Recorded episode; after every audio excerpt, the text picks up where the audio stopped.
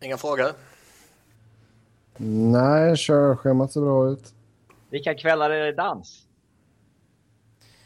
I eh, Växjö eller i Bakersfield? Det är ett skämt från repmånadsfilmen. ja. Eh, det är svårt att ta dig på allvar ibland så jag visste inte hur jag skulle svara. Men det är bra att köra Sebbe. Då säger vi hej och hjärtligt välkomna till veckans avsnitt av Svenska fans NHL podcast med mig Sebastian Norén, Niklas Wiberg och Robin Fredriksson. Hej på er två först och främst. Hej! Vi hoppar direkt in i kontrakt, eh, rykten, skador, avstängningar. Lite så här smått och gott grejer. Uh, Tanner Pearson förlänger sitt uh, kontrakt med LA Kings. Det blev ett, en liten bridge deal där på två år och en cap hit på 1,4 miljoner. Det här känns väl som ett kontrakt som uh, jag tycker att båda parterna ska vara rätt nöjda med. Mm, jag såg att du skrev det på Twitter efteråt när det kom ut där. Mm. Eh, Tanner Pearson har ju visat en eh, jättehög högsta nivå egentligen. Men har ju samtidigt visat för lite för att få det här eh, riktiga kontraktet ännu. Ja, kombinera det med skadeproblemen den här säsongen så eh, känns detta som en väldigt ja, fair lösning för båda parter. Ja, alltså jag, jag tycker ju att han eh, själv ska vara nöjd av att han får eh, Alltså det, det, är ändå hyggligt bra betalt, 1,4 miljoner. Det, det, är inget du går fattig på liksom. Eh, och jag tycker ju Kings ska vara nöjda med att eh, de signar upp honom på två år till och med. Ja, man, man tänk, tänkte när jag såg det, alltså 1,4, det, kan, det var ju snällt av Pearson. Men sen när man väl kollar på hans siffror och sådär så har han egentligen inte gjort så mycket som man tror. Han var ju del av the 70s line som var hypad och sådär. Men... men det var ju bara några veckor också. Ja, och man har ju alltid buntat ihop honom med Toffoli. Att de ska ha råd med Toffoli och Pearson och så vidare. Men Pearson själv har ju faktiskt inte gjort så mycket. Så att eh, 1,4 är väl ganska rimligt när man eh, tittar igenom det lite mer noggrant. Jo, jag tror att hade han spelat eh, hela säsongen här så hade det nog kunnat bli lite mer. Men med tanke på att han har missat en hel del så... Eh, ja, han missar ju halva säsongen. Det, ja. Jag menar, det är en sån sak som påverkar. Jo, men det är ju samma grej. Alltså, tittar man på uh, Mikael Böttgers säsong där så började det jättebra. Sen blev han ju skadad. Han ska ju skriva nytt här nu i sommar också. Han, blir, han är ju RFA. Uh, men även, alltså, jag menar, hade han fortsatt på den vägen som han började säsongen på så hade han kunnat casha in ganska rejält tror jag. Uh, ja, men det, jag menar det skulle det också ju. Ja, men det får vi diskutera lite senare sen i sommar. Sen har vi även en svensk som skrev på ett nytt kontrakt. Det är Anton Lander i Edmonton. Eh, även där ett tvåårskontrakt och en cap hit på 985 000 dollar. Mm, vi pratade ju lite om honom förra veckan under svensk eh, kollen. Och, eh, han är bevisat att han är hemma i den här ligan framförallt så kan han ju fylla en god funktion i Oilers som har ett problem på centersidan och har väl bevisat att han borde ha eh, flyttats upp bra mycket tidigare. Eh, eh, ja, han är väl eh, bara glad över att spela i NHL nu liksom. Eh, att han signar två år kring miljonen är väl rätt rimligt men eh, ja, en sån spelare ska väl alltid egentligen vara nöjd om han får mer än ett år. Mm, men frågan är med ja. För jag, jag är svårt att se att han eh, kommer ta det här eh, extrema klivet och helt plötsligt bli en, en spelare som borde ha 3 miljoner till säsongen 16-17 liksom. Ja, det vet jag fan. Alltså jag tycker att han håller han den nivån han har hållit nu så är han definitivt en center som kan göra 35 poäng nästa år. Och han är ju en vi vet ju att hans styrka ligger snarare i tvåvägsspelet. Uh, så att, mm. Jo, jag förstår vad du menar, men jag har väl fortfarande svårt att se att han, han blir den, den spelaren som eh, vad ska man säga, som Edmonton eh, med tanke på att de har eh, all den där talangen de har. Eh, att, att att han blir den spelaren som man på något sätt eh, slänger in som någon form av viktig pusselbit. Jag ser mm. väl inte att han blir något mer än en utfyllnadsspelare. På sikt ja. tror jag han mycket väl kan bli en, eller han är redan en, en gedigen NHL-spelare och på sikt tror jag han kan bli bättre än så. Ja, jag, jag, tror jag, jag, tror ju inte den sker liksom bara sådär utan jag tror det kommer vara en rätt lång process i så fall. Ja, det tror jag inte. Nej, då tror du fel. Nej, mm. Du har fel. Ja, vi får se vem av er som har fel eh, i framtiden helt enkelt. Eh, Robin har fel nu och i framtiden. På tal om kontrakt också så eh, snackas det om att Philadelphia har försökt dumpa Chris Prongers kontrakt och att Boston gärna vill göra det samma med Mark Savard. Och, eh, det känns lite konstigt att vi har spelare som sitter på long term injury reserve alltså i flera, flera år. Uh, alltså, det här kom bara en tanke som jag fick när jag, när jag liksom tänkte efter lite på det här. Alltså, säg att en spelare är borta, alltså, som i Prongers fall. När var, när var senaste gången han spelade, Niklas? Oktober 2011, va? November till och med. Nej, var det Var det väl, tror jag. Men skitsamma. Då tror jag, då tror jag att du ljuger för lyssnarna här. Eh, ja, jag kollar upp det. Medan Robin kollar upp det. Så, nej, men det är ändå så, alltså, vi var i fjärde året då, liksom, som vi är inne på. Um, en spelare alltså på long term, long term injury reserve i över tre säsonger så tycker jag nästan att låt han gå i sjukpension och så får man stryka det liksom. Fast jag kan tycka, jag, jag, alltså det, det, är, det är en jävligt rimlig tanke det där du har liksom. Att är du uppe där på, på så pass länge tid så stryk det. Um... Så man ska ändå så här för, man ska ju ändå, har man signat en äldre spelare på ett långt kontrakt så här, det måste finnas någon jävla baksida med om det går fel. Jo, men det är också en sån grej. Alltså, jag tycker att man ska sätta en limit. Alltså har vi sju år på spelare, alltså eh, förlänga med då. Säg att så fort du kommer över 30 så får du inte signa mer än två år. Eller om vi, vi kanske 30 kanske är lite väl lågt, men säg 35 då. Då får du inte signa mer än två år. Jag, jag ser väl snarare problematiken i uh,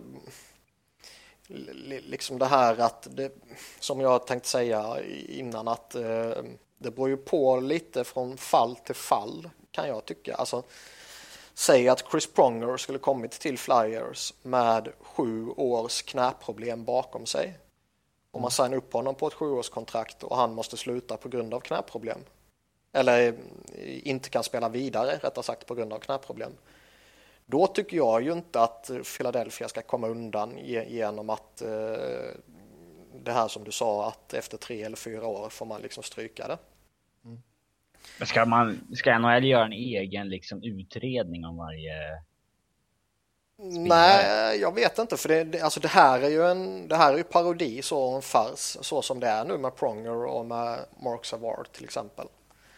Eh, där alla vet att deras karriärer är över på grund av eh, jävla freak accidents eller på grund av eh, en, eh, en jävla idiot till eh, Matt Cook var det väl liksom.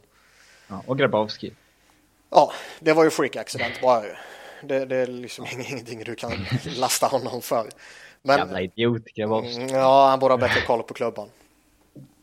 Men, men, det är ju liksom det är ju synnerligen extrema situationer i de här två fallen. Uh, och det blir ju mer parodi av att se hur man måste sköta det här uh, under så här många år än det skulle vara skandal att på något sätt eh, kunna stryka det. Mm. Men, Men menar, liksom, det är samma sak med, med Ölund till exempel. Liksom. Ja, ja, absolut. Alla tre är ju likadana. Men där är det väl... Eh, och Hårtman kommer vara samma sak. Ja. Men Ölund, Ölund var det väl inte eh, en sån här extrem situation på samma sätt väl? Nej, han har väl bara slitit sönder. Alltså, hans det var väl en, en vanlig skada om man säger så. Vad är hans knä som inte har någon, någon brosk eller? Ja, Båda är det till och med. Ja. ja. men det är liksom, han, hans, hans knän är slut helt enkelt. Bägge två. Uh, ja. Han signade man ju dock ett, ett sjuårskontrakt med när han var typ 33. Uh, eh, Mm. Men uh, hur är det i fram... Alltså har man hittat en... Alltså, gäller det här skiten bara de nuvarande problemen, Öhlund, Award, Pronger och Horton, eller kommer det liksom... Har man löst det här för framtiden vad det gäller eh, nya sådana här fall, så att säga? Nej, det tror jag inte. Nej, jag vet inte. Alltså jag vet inte vad vad... jag vet. Jag har inte, jag har inte finkammat CBAt, men jag, jag tror inte att det finns någonting i, på plats liksom, för att förhindra sådana här grejer i framtiden. Nej, nej, utan det är traggla vidare med samma grej som finns. Nej, alltså man får väl hitta en... En... Ja, jag vet inte. Ja, det finns ju inget så här, ja, det är bara att de inför det här så löser det sig. Alltså det... det jag, jag ser ingen optimal lösning på det.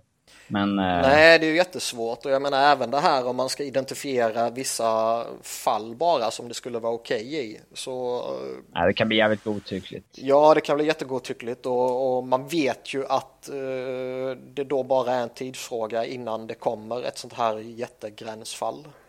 Eh, Jo men det är väl bara att ha, alltså NHL får väl ha läkare då så säger de ja ah, du är hockeyinvalid, okej, ja bra, då är, det, då är det vad det är liksom. Jo, men någonstans, liksom, du, du kan ju bli hockeyinvalid på olika sätt. Och jag tycker de olika sätten eh, bör behandlas på olika sätt. Hade Öhlund ont i knäna när han signade med Tampa, då ska inte Tampa bli av med capiten för att han klassas som hockeyinvalid. Nej, precis. Eh, alltså, så var det ju liksom en annan sak, även om de signade, de signade väl han på det där sjuårskontraktet efter att han hade haft en lång hjärnskakning först, Mm, jag tror det. jag för mig. Han kom tillbaka från den signen där och sen spelade han 20 matcher till och så vart han... Nej men alltså det, det är en väldigt konstig situation detta och eh, det är klart att på något sätt så måste det gå att lösa men det... Och jag tror att en del i det är att liksom är du över en viss ålder så får du inte signa längre än två år eller tre år eller vad man nu kan komma på för något. Men ska, man egentligen, ska, ska det behövas en regel? Eh, Ja, men klubbarna verkar ju det? vara så man- dåliga på detta. Jo, ja, det- det ja, är det jag menar. ligan, gå in och, ligan får ju gå in och styra upp detta och ta sitt ansvar liksom. Men, men är det det- verkligen ligans ansvar? Är det, är det inte lagens ansvar att se till att eh, fan skriv inte ett sånt kontrakt? Ja, det Lagen eller t- Ja, men alltså det är ju det är liga, ligans intresse att vi inte har såna här löjliga grejer. Och det är ju samma sak som jag snackat tidigare om med, med tankning och draftlotteriet och allt sånt där också. Men kan de Det ens liksom- införa en sån grej, alltså mitt under nuvarande CBA, att man inte får signa spelare som är över 35 på längre än... Det känns ju som en, Det, det känns nej, det- en det- jättegrej. eh, ja, ja, absolut. Det är jättegrej säkert. Ja, nej, nej, det måste ju förhandlas in i nya. Och det känns ju som en jättestor grej som det skulle bli jättemotstånd för bland spelarfacket. Ja, ja. Eh, Men det gled väl lite ifrån själva, ja, just att trada de här kontrakten. Alltså, ja, Ja, Det borde ju vara absolut, det borde egentligen vara förbjudet att trada någon som ger på long term injury reserve. All, Det- all rimlighet säger ju att det inte borde vara tillåtet. Eh, samtidigt, så har det, ja, samtidigt så har det ju eh, Skett. skett och tillåtits tidigare utan några större problem. två gånger va? Horton och Tim Thomas. Ja, Och Så- eh, ja, fick de göra det så borde ju den andra få göra det. ja, ja och, och liksom får man göra det så är ju båda de här två kontrakten eh, fantastiska för vissa lag att ta in. Alltså du betalar eh, ja, 575 000 eller någonting i, i lön till både Pronger och Savard. Men i Prongers fall får du en capita på 4,9 ungefär miljoner och i Savards ungefär 4 miljoner blankt. Så jag menar du betalar ju väldigt lite för att få en väldigt stor eh, eh, capita och är du ett budgetlag eh, som behöver komma över eh, lönegolvet så tror jag det kan vara väldigt tilltalande. Därmed eh, med det sagt så menar jag ju inte att eh, Philadelphia eller Boston bör kunna eh, alltså kräva någonting i utbyte. Utan det ska, ju, det ska ju typ vara att man, att man skickar Pronger mot conditional seventh rounder eller något sånt där. Ja. Och det conditional kommer ju aldrig infalla. Nej. Condition kan ju vara om spelarna faktiskt spelar. Ja, typ. Mm, nej, det är som sagt, det känns lite, alltså jag, jag vill inte kalla det fusk, men det är en Nej, väldigt konstig situation är det. Ja, så är det och skulle vi inte fått den här Tim Thomas-traden eh, för eh, några år sedan så skulle jag ju sitta och, skulle vi inte fått den så skulle vi nog inte fått Horton-traden tror jag. Mm. Eh, för det kändes en, eh, det fanns någon sån här halvdan situation för många, många år sedan som jag läste något om. Det var typ eh, Toronto plockade in någon annan för många år sedan också. Men det var ju ändå Tim Thomas-grejen som fick igång hela det här snacket nu under lönetaket och allt sådär. Men att inte uh, det kom in i det, i det senaste CBA till lite konstigt ändå. Man glömmer sånt den, sjö, den skedde väl efter nya CBA? Thomas Traden? Jag minns inte. Jag kollar. Men, och men, ja, Tim Tom, eller Pronger spelade i november. Ja, det är klart. Det var det jag sa ju. Ja. Men, men, skulle inte Thomas-traden skett så skulle jag ju inte sitta här och tycka att det vore okej okay att göra eh, en Pronger eller Savard-trade. Oh, alltså jag tycker, jag tycker fortfarande inte... Skedde efter lockouten. Ja. Mm. Men jag tycker, jag, alltså jag tycker fortfarande... Jo, men även om den skedde alltså, efter så det är ju en sån jävla basic grej egentligen som borde varit regel för länge, länge, länge, länge sedan. Jo, man tycker det. Sen samtidigt skriver du en sån eh, jättestor uh, grej som hela CBA är så kommer du glömma saker. Det kommer... allting, alltså... allting handlar ju om att minimera kryphålen för det kommer ju alltid finnas kryphål. Det kommer alltid gå att hitta kryphål. Ja. Alltså i varje system som finns. Mm. Mm. Men jag tycker fortfarande inte det. Alltså jag, även fast det är tillåtet så tycker jag inte riktigt att det är helt okej. Okay. Nej, man får väl acceptera att, eh, man får väl acceptera att de här uh, döda cap-hitsen är en del av spelet. Helt enkelt. Nu, nu. Ja, så på samma sätt som man kan uh, retaina cap-hits och skicka mm. döda cap-hits så att säga. Mm. Ja, men det är igen, ja, egentligen är det väl det är ju skillnad på ett sätt men eh, jag menar, vi ser ju pisspelare med en hög capita som tradas också för att de har en hög capita och ett lag vill ta in dem. Liksom. Ja, eller signas bara. Med Sarva som när Buffalo signar honom liksom.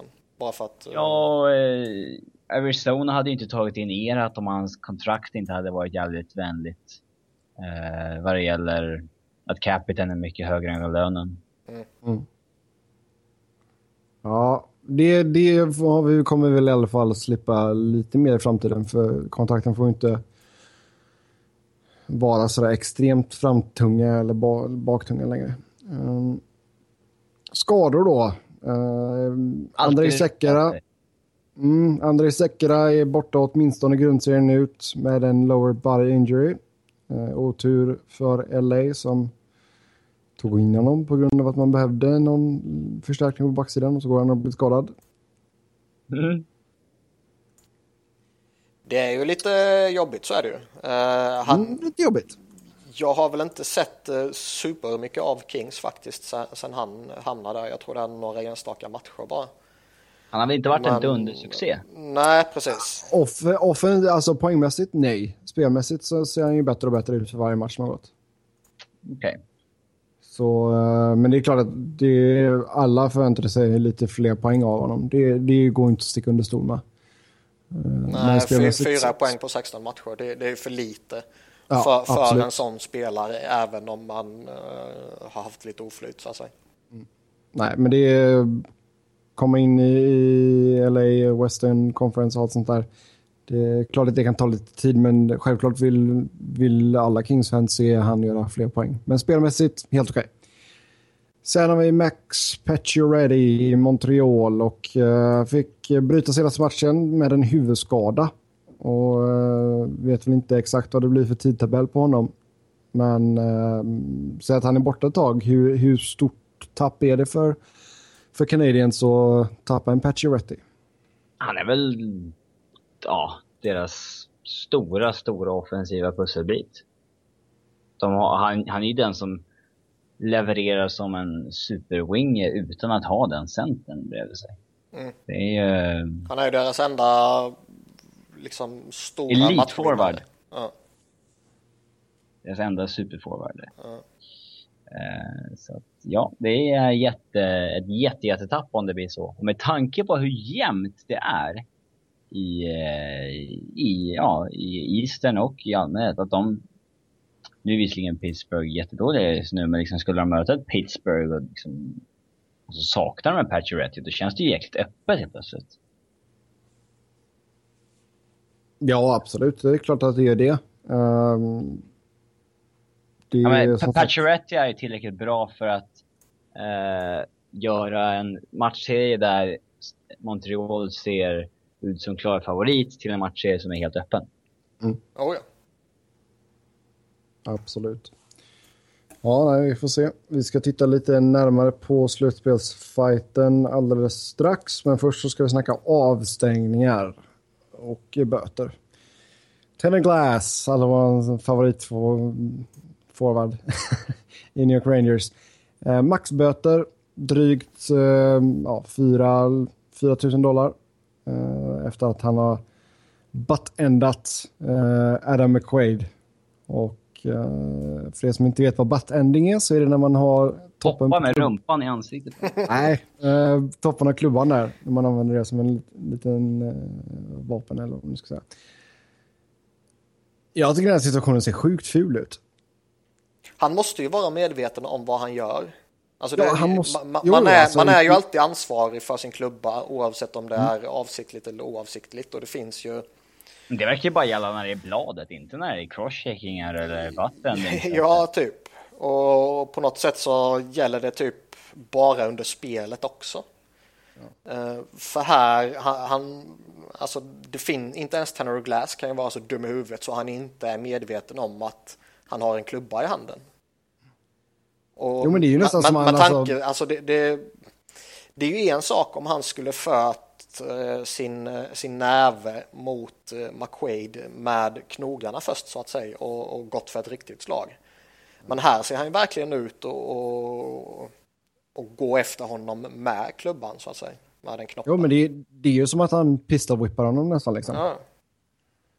Så eh, att det bara blir böter här, det, det förvånar mig lite faktiskt. Eh, Jag hade väl gärna sett att han blev avstängd faktiskt. För det, varje, va- det har vi pratat om flera, flera gånger tidigare, men varenda gång du använder klubban som ett vapen så är bort med det bara. Innebär det att Ovechkin inte får skjuta slagskott? Kul! Bum, tsch. Och eh, sen hade vi en eh, no call när Andrew Shaw eh, chargar Barrett Jackman i St. Louis. Och han kommer som en kanonkula och dyker, dyktacklar Jackman. Vet ni vilken tackling man tänker på när man ser den? Steve Downey Ja. mot eh, Och samma- Dean McGammon för typ vad var det 10, 11, 12 år sedan.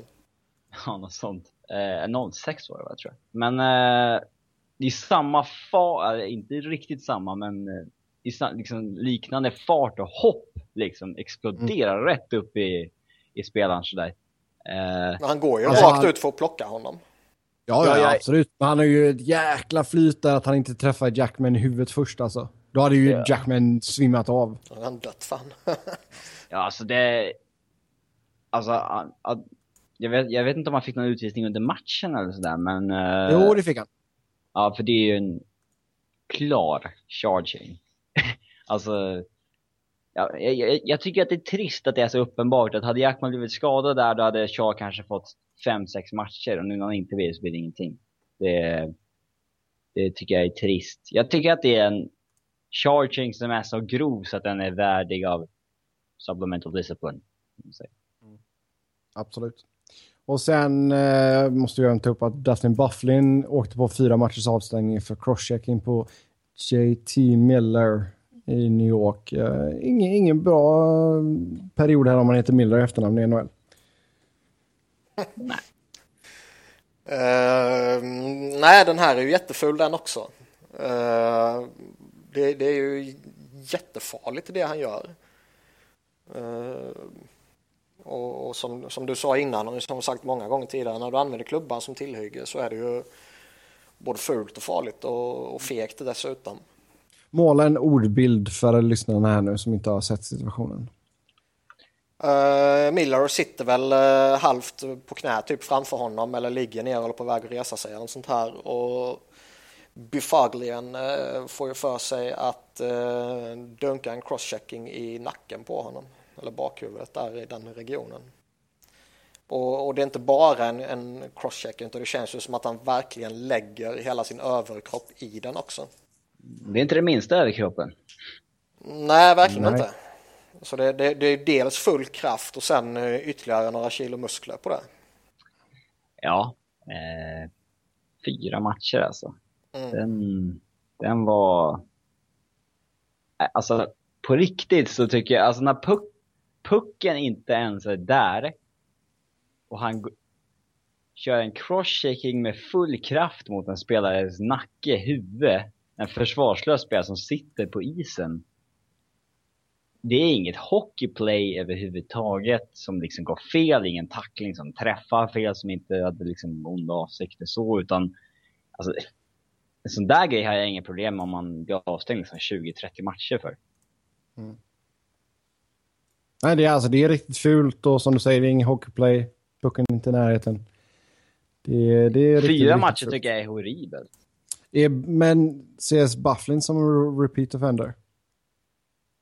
jag tycker inte att det är en situation där det bör vara en avgörande nej, faktor nej, jag tänkte bara, 4 och fall, 20 matcher. I så liksom. fall är ju fyra ganska lågt. Men vi vet ju också, jag tycker också att eh, sådana här grejer som, som jag sagt hela tiden, all våld mot huvudet och, och liksom där du använder klubban är jättefarliga grejer som man måste få bort. Och det får man inte bort med en handfull matchers avstängning bara. Uh, men med det sagt så vet vi ju att ligan har en i normala fall väldigt udda bedömningsnivå och den blir ju ännu mer uh, tillbakadragen om man säger så när det närmar sig slutspel eller när det faktiskt är slutspel. Mm. Ja. De är ju skitskraja för att sända ett budskap i, i slutspelet eller inför slutspelet. Ja, tyvärr. Uh... Och det är samma sak domarna liksom i, i, i det vanliga spelet. Ja. Overtime i ett slutspel, aldrig utvisningar. Nej, nej, det krävs att du ska slå ihjäl en spelare i princip för att få två minuter.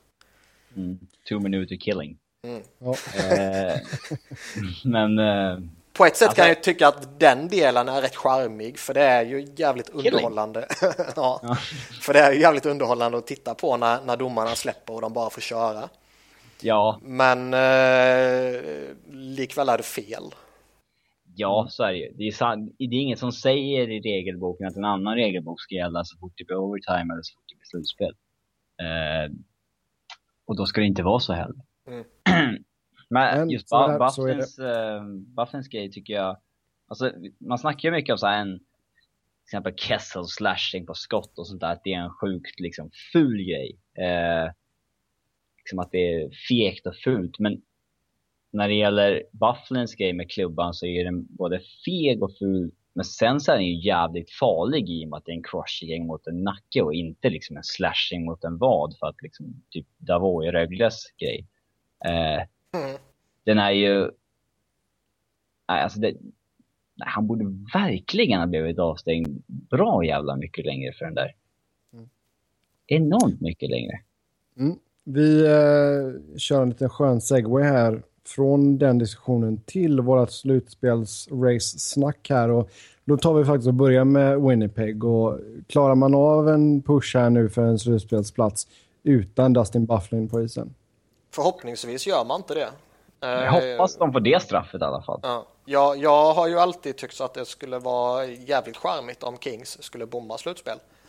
Men, men eh, efter den här grejen så vill man ju att Winnipeg ska bomma. Och eh, enda laget som kan hota då är ju Kings. Ju. Mm, just nu så uh, har man 92 poäng vardera, Kings och Winnipeg. Kings har uh, 37 stycken... Uh, de har ju tiebreaken oavsett vad ja, som exakt. händer mm. kommande fyra. Så att uh, Winnipeg måste ta en poäng mer i kommande fyra matcher. Mm.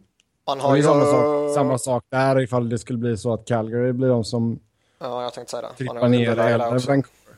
Ja. Så oavsett så har du ju underläge mot alla lagen som är eh, framför dig just nu. Matchen mellan Calgary och Kings, den blir kul. Mm, Sen Calgary avslutar mot Winnipeg också. Snacka om att ha ödet i sina egna händer. Mm, just nu då, så vi kan ju ta det lite snabbt då. Pacific Division, eh, Anaheim klar etta, 107 poäng. Vancouver 2 95 poäng. Calgary 3 93 poäng. Och sen har man Kings då på sista wildcard-platsen med 92 poäng. Central då har du St. Louis i topp med 105, Nashville 2 med 104, Chicago 3 med 102. Och sen har man Minnesota på första wildcardplatsen med 96. Och sen är det då Winnipeg på 92. Så eh, det, det är de lagen. Varav eh, fyra stycken redan är matematiskt klara då i St. Louis, Nashville, Chicago och Anaheim. Ja, och som sagt, jag hoppas verkligen att Jets bommar det här nu. Eh, på ett sätt är det jävligt tråkigt för de har verkligen gjort en riktigt bra säsong. Uh, och de har verkligen tagit det här steget framåt som de behövde göra och de har bra, liksom, bra tryck där uppe också. Så på ett sätt så skulle det vara skoj att se dem i slutspelet men uh, efter den här uh, crosscheckingen så hoppas jag att hela jävla organisationen drabbas. Mm, nu, de återstående matcherna här då, man har Minnesota i natt när vi spelar in här och sen har man St. Louis på tisdag och sen har man Colorado på torsdagen och Calgary på lördag. Ganska tufft schema faktiskt. Mm. Ja, det är ju bara... Eller det är klart St. Louis... Eh, jo, St. Louis är fortfarande divisionstiteln att spela för, men... Det är ju Bra lag bara... helt enkelt. Ja, det är ju bara Colorado som inte har någonting att spela för. Ja, det är ändå... Alltså, Colorado är ju svårare än att möta ett liksom de är inte ett av lagen som, nej, de är inte ett av lagen som liksom tankar. nej, och vi ska ju säga att bo, både, eller alla tre matcherna här, Minnesota, St. Louis och Colorado är på bortais. Ja, och uh, jag har för mig att, uh, du, du, du, nej, jag säger att de kommer att spela bara mot Winnipeg, så det är väl en lite annan matchup. Men uh, mm. ändå tufft, tufft schema för Winnipeg. Mm, absolut. Eh, Kings då, som de är närmst då, de har... De har Edmonton. Vancouver borta, Edmonton borta, Calgary borta och sen San Jose hemma. Tänk om San Jose kan i alla fall ställa till för Kings i sista matchen. Det blir spännande. Det vore skoj. Det hade de nog gillat den chansen. Mm. Då de själva är borta från slutspelet. Men um, Ja, sen kan vi ta Calgary lite snabbt också. Man har tre matcher kvar och det är Arizona, Kings hemma och sen avslutar man mot Winnipeg borta.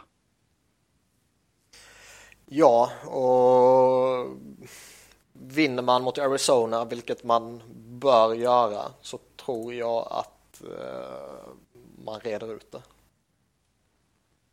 Tufft. Kings har ju fortfarande egna händer om de ska... Alltså, Kings kan ju fortfarande ta tredje eller andra platsen i, i Pacific Division då man möter både Vancouver och Calgary. Mm. Ja, de har ju verkligen allt i egna händer. Mm. Ja, nästan. För, eller jo. Jo, vinner de sina matcher. Jo, jo. Oh, jo, det är sant. Jag tänkte bara rent matematiskt, men jo, man, vinner man ut här så kommer man två i Pacific.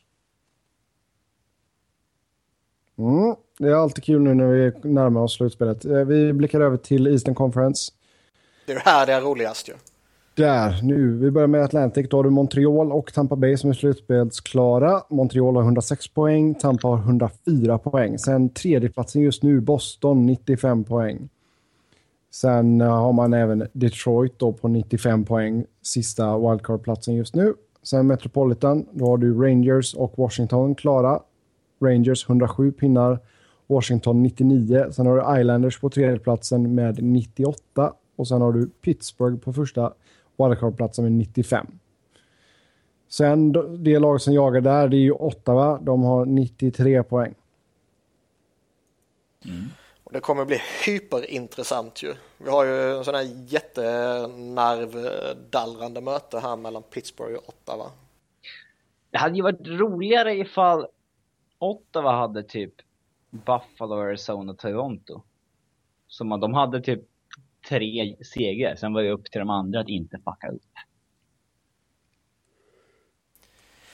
Eh, ja, men den här dramatiken är ju ändå jävligt rolig att titta på. Alltså du har, ja. du har tre stycken jättestora lag som eh, Alltså då Boston, Detroit och Pittsburgh som alla är involverade i det här skiten nu. Man får ju tacka Detroit och Pittsburgh för deras förfall för att ha gjort det här mm. intressant som fan i sluttampen. Nu tror jag ju att Detroit i det stora hela kommer reda ut det. De har tre ja, matcher kvar där två Carolina. matcher är Carolina liksom. Ja. Det... ja, de, de klarar De har nog minst chans att missa tror jag av de fyra. Ja, är, även om man är i halvsunkig form och även om man har lite problem här och där och även om helt plötsligt Z och Datsjuk skulle försvinna så, så bör man ta två segrar mot Carolina. Mm. Ja, det var ju, Boston var ju illa ute ett tag där och var ju till och med utanför slutspelet ett tag och sen boom gick man och vinner fem raka. Men du vet nu har de Washington och Tampa Bay kvar i två av sina tre matcher. Det är fan mm. inget enkelt. Eh, Mot Florida inte piss heller. Nej, verkligen inte. Eh, så jag menar det, även om Boston, eh, man tittar på att ja, de är på tredjeplatsen så är det ju en, en obefintlig fördel de har. Ja, de har ju samma tiebreaker som Detroit. Samma enda anledning till att de ligger trea och inte på sista wildcard-platsen är för att de har mer inhemska poäng mot Detroit. Så att, eh, inhemska? Eh, Inbördes? Alltså i, i, ja, i mötena dem emellan. Uh, nej men så är det ju. Den, den, uh, men däremot så är ju Pittsburgh den intressanta sitsen här. Uh, som sagt, de ska möta Ottawa och vinner de den då är det klart. Då kan man nog ändå... Party's over. Ja. Lite så känns det. Och sen har de ju Buffalo i sista matchen också. Islanders torskar emot dock. Det, det, det tror jag. Ja, men du vet, säg att man torskar mot Ottawa och sen ska det gå upp mot Islanders. Eh, då blir den matchen jävligt jobbig. Islanders mm. är ju bra och, och, vi har ju sett matcher mellan Pittsburgh och Islanders där Pittsburgh har haft jätteproblem. Mm. Ganska lång break. Ganska lång break där ändå får man ju säga. Man spelar mot uh, Ottawa natten till onsdag och sen spelar man inte igen för natten till lördag. Mm. Men det absolut roligaste scenariot det är ju faktiskt att eh, Ottawa har Philadelphia i sista matchen. Och som Philadelphia-supporter så ber jag ut alla gudar jag kan hitta eh, att eh, en Ottawa-seger i den sista matchen skulle säkra slutspel. Eh, och att Ottawa då petar ner Pittsburgh utanför slutspel. Mm, läggmatch deluxe jag kräver ju läggmatch då. Så enkelt är det. Mm. Uh, framförallt så blir det ju än mer fascinerande då när Pittsburgh, när de uh, bytte till sig David Perron, uh, mer eller mindre allmänt sågs som ett givet slutspelslag. Och uh, när de går upp sitt första val så var ju inte det på något sätt uh, lottery protected. Så de har inget första inte, val heller. De kommer inte hamna i ett lottery i alla fall, eller? Eller just alla i minus. Missar de så är alla med. Ja, eh, men ja, ja, det är väl en, en procents chans eller någonting. Men... Eh, ja, ja, men en större än noll. Mm. Ja. Jag menar, det, det, här känns ju verkligen som att det finns jättepotential för att det här leder in i sista omgången. Fan, tänk om det draftvalet blir McDavid. Det är så här, haha Pittsburgh, ni som fick Crosby i, i fusklotteriet och skit. Men då hamnar ju det McDavid i Edmonton. Ja. Ja, men det är ett scenario där jag skulle kunna leva med att han hamnar Edmonton. Nej. Nej. Dä- Däremot så är det ju, vad ska man säga, det, det är ju, på, det, det är ju tråkigt om, på ett sätt, eh, rent sportsligt och eh, bla bla bla, om man skulle hamna i en situation där Pittsburghs absolut största rivaler eh, kan avgöra deras slutspelsöden. Men så jävla... Men så hård är ju inte rivaliteten att de skulle förlora med flyt. Nej, det tror jag väl inte, men eh, det skulle vara jävligt skoj att se vad som händer om Philadelphia får försöka sig att starta Re-Emery i den matchen. Och, eh, jag menar, är du själv körda så hur hårt kommer du gå in för den matchen och så ja, vidare. det är klart. Jo, ja, publi och publiken kommer ju... Publiken kommer ju kräva förlust ju. Ja, ja, ja. Det kommer vara intressant att se reaktionen i arenan till exempel. Om motståndaren gör mål. Ja, ja, det är som i Buffalo, de börjar jubla. Ja. Så det är, det är en situation som är både fascinerande och absurd och lite smått komisk på samma sätt, eller samma Ja. gång. Nej, men alltså jag, jag är bara glad över att vi har, alltså det är ett race fram till slutet här liksom. Det är, det är alltid roligt. Det mm, gör mycket bättre hockey än när det är liksom 15 matcher kvar och vi vet exakt redan vilka lag som ska till slutspel liksom.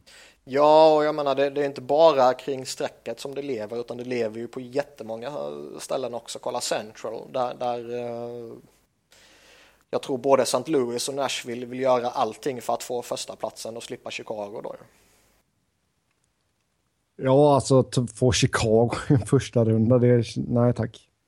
Nej, exakt. Så jag menar, där är det ju jättedramatiskt också. Och vi har redan pratat om strecken och så vidare. Och vi har ju Montreal och Tampa Bay som gör upp i toppen av Atlantic. eh, För att ta första platsen där. Så jag menar, det, det är ju också spännande grejer. Mm. Eh, Vi ska gå vidare till nästa ämne och då ska vi toucha lite på förra veckans eh, diskussion som vi hade. Och detta är nog första gången jag ser här. Detta är nog förs- första gången jag ser hashtags i kör, körschemat i alla fall. Eh, Då är hashtag Team OV eller hashtag Team Beckis. Backis blir det ju då om vi snackar hashtag. Äh, funkar väl? Funkar det Ja, att hashtagga funkar. med, med OÖ? Ja, det, Ingen gör aning, det det, men det antar jag väl att det gör. Ja. Så eh, ja, vem leder kedjan och Washington och varför och hur stort hot är Capitals i slutspelet? Eh, Robin tycker jag att det är Ovechkin som leder kedjan. Eh, jag säger att Ovechkin fortfarande skulle göra mycket mål utan Bäckström, men Bäckström gör definitivt Ovechkin bättre. Fast gör han verkligen det?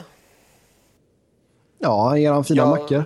Ja, men Ovechkin, alltså jag, jag känner ju mig själv rätt så övertygad om att han skulle vara en eh, Han gör ju inte 50 baljer utan Bäckström. Jo, jag tänkte säga det. Jag är rätt så övertygad om att Nej. han skulle vara en 50-målsskytt eh, i princip eh, vilken topp 6-center du sätter in jämte honom.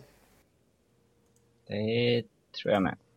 Eh, det, är, alltså, det, är inte en, alltså, det är inte James Neal som gör 40 mål med Crosby men 25 utan. Liksom. Eller, Nej. alltså, det, det är den här, det är inte en...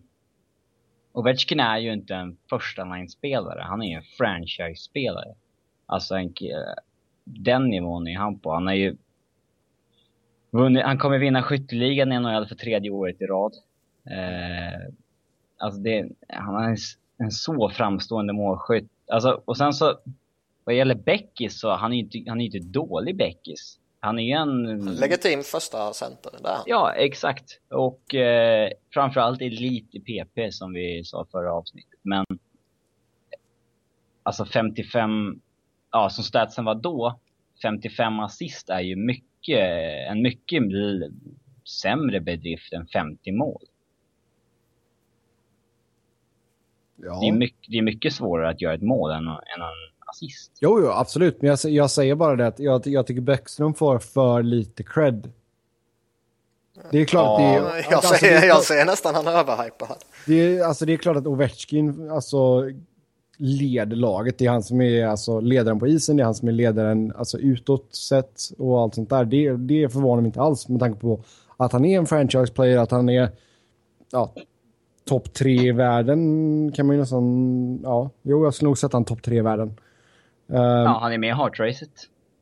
Så jag menar, liksom, det, det är klart att han är en exceptionellt bra spelare, men Bäckström gör honom fortfarande bättre för han ger honom lägena.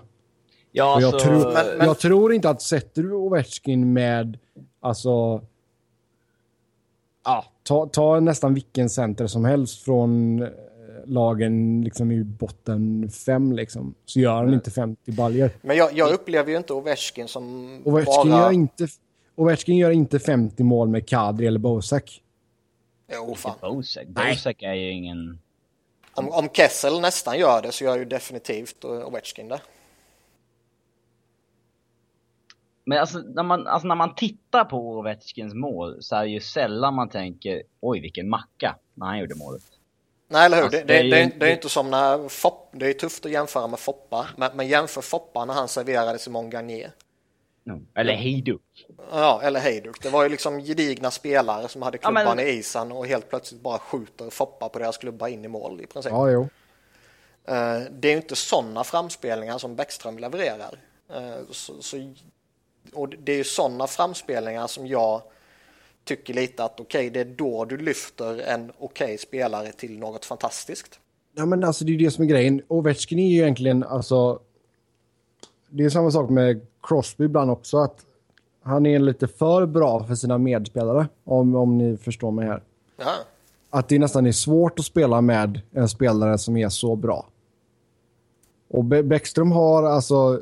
Det, visst, det kan se enkelt ut ibland, men alltså att ha vetat, okej, okay, ja men om tar jag in pucken där så vet jag att då kommer Ovechkin stormande som en tjur. Ja, bra, då gör jag en liten dropppass där och så liksom hästsparkar och värsken in pucken i mål. Liksom. Det, men det gäller ju att ha det hockey-IQ. Och jag, jag tycker Bäckström har ett jäkligt högt hockey-IQ. Men det hockey-IQ, ja. det har ju hela ligan haft ju. Man, man, vet ju, man har ju alltid vetat hur Ovechkin skulle spela.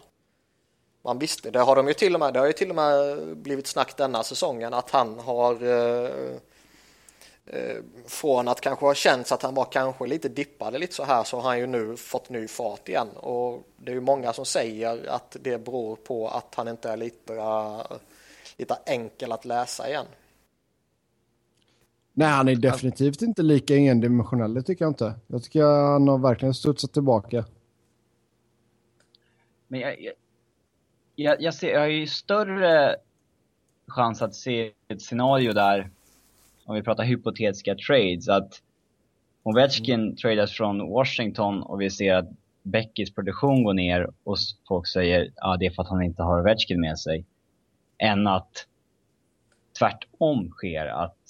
Eh, att Beckys försvinner? Ja, ja, jo, ja, absolut. Att, och, att, och att Ovechkin... Ja, alltså jag, jag, jag, jag tror att hade de särat så tror jag att Beckys hade lidit mer eh, rent produktionsmässigt. Eh, för alltså assist, assistantalet är ju inte så brutalt ändå. Alltså det är, han har inte gjort 17, det är inte Thornton Nej, nej, men det är ju för att han, det är ju för att han i mångt och mycket bara har Ovechkin att passa till och det är ju problemet för Washington. Eh, det är ju därför inte jag tror att de kommer vara särskilt... Eh, ja, visst, de kanske kan klara sig en runda, men sen tror jag de ryker tyvärr. Det är inte ens Ovechkin kommer liksom kunna forcera Capitals till en eh, konferensfinal.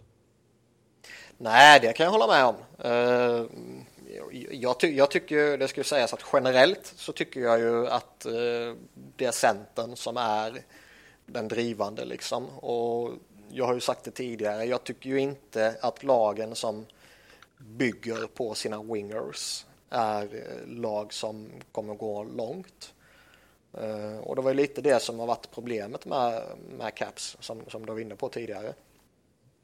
Jo, men, men, men just i det här fallet så tycker jag inte det är något snack om saken. Nej, nej, men alltså, och det, alltså jag, min grundtanke är bara att jag tycker att Beckis får för lite cred för det han gör. Och tillsammans så är de här två alltså ett av de bättre radarparen i hela ligan. Det är liksom, du har Ovechkin och Bäckström. Du har Getzlaff Perry. Du har Sedin-tvillingarna, även fast, fast de har liksom dippat lite. Det, det är liksom inte många lag som kan komma med en sån kalaswinger och en kalascenter liksom. Ja, i princip väldigt många. Alltså de, de är ju ett radarpar på det sättet, men det är väl mer... Eh, de är inte det där naturliga paret i och med att... Be- Alltså Getzlaff och Perry, de håller ju typ samma nivå bägge två. Eh, här tycker jag att det är mer uppenbart vem det är som är super, super, superstjärnan. Eh, eh, ja, men sen så... Alltså, jag har fått mycket skit för, mycket, alltså för mitt Beckis hat så att säga. Men alltså jag menar ju ändå att han är kanske topp fem av spelarna i ligan i PP eh, och en legitim första line-spelare i 5 mot 5. Men bättre än så är han inte. Och det är ändå jävligt, jävligt bra liksom. Det är inte, det är inte att säga att han är dålig liksom. Eh, Nej, det är en jättebra spelare som är en jättebra playmaker eh, som tyvärr är en fuskare men- eh, ändå är en legitim första center. Men han är ju inte den som kommer driva ditt lag. Nej, det tror jag inte. Han är ändå, alltså han är inte den som... Eh, nej, som du säger, alltså driver sitt lag på det sättet. Han är ju den som behöver bra spelare. Alltså han skulle ju inte... Jag har svårt att se att liksom Bäckström skulle göra en medioker spelare till en 30-målsskytt. Nej. Då man kanske komma med ett namn som exempel, men alltså... Det, det, det har jag svårt att se av, av Beckis. Det hade varit Jo, jäkligt jo men vadå? intressant. Alltså, peta in Jamie Benn bredvid Bäckström så tror jag fortfarande att Ben gör lika många poäng som han gör nu. Jamie Benn är väl fantastiskt bra. Ja. Men ta liksom Thornton Chichu eller Chichichu som, som Robin brukar kalla honom. Jag menar det, det, det är ju ja, en gång är en vana. Eh, Det är ju det är ju något magnifikt man kan klara av om du är en fantastisk playmaker till exempel som Joe Thornton var då och som han fortfarande är i mitt tycke. Alltså, Det scenariot har jag svårt att se med Bäckström. Ja. Det, Alltså det är ju svårt att säga för det, det, vi har inte riktigt fått se det. Ja, det är väldigt hypotetiskt. Ja, eller så kan man konstatera att han inte gjort det med någon han har spelat med. Det hade varit extremt intressant att se dem skiljas åt, Ovechkin och Bäckström. Eh, se dem helt utan varandra en hel säsong eller två eller så. Eh, och se, och se vad, vad de skulle leverera utan varandra. Men eh, ja, det finns ingen spelare i NHL eh, som inte spelar i Avs som jag eh, önskar mer framgång än Ovechkin. Jo. En, en Bäckström. ja. Alltid jo. Som att jag säger att jag, det finns ingen spelare som jag önskar. Du säger jo. Och jag säger att du har fel. att jag, jag vet väl själv bäst vad jag önskar. Nej, det är så att småbarn vet inte alltid vad som är bäst för dem själva. Ja, men han har fått så jävla mycket skit. Alltså Ovechkin, alltså, vi snackar kanske om en vad av fan skulle han varit kanadensare? Skulle han varit tokhyllad? Du vet ju alla. Ja, de har haft en staty i Washington det här Ja. eh, Och hans minus 35 i fjol, det var ingen som snackade om plus minus när han hade bäst plus minus av alla forwards i ligan.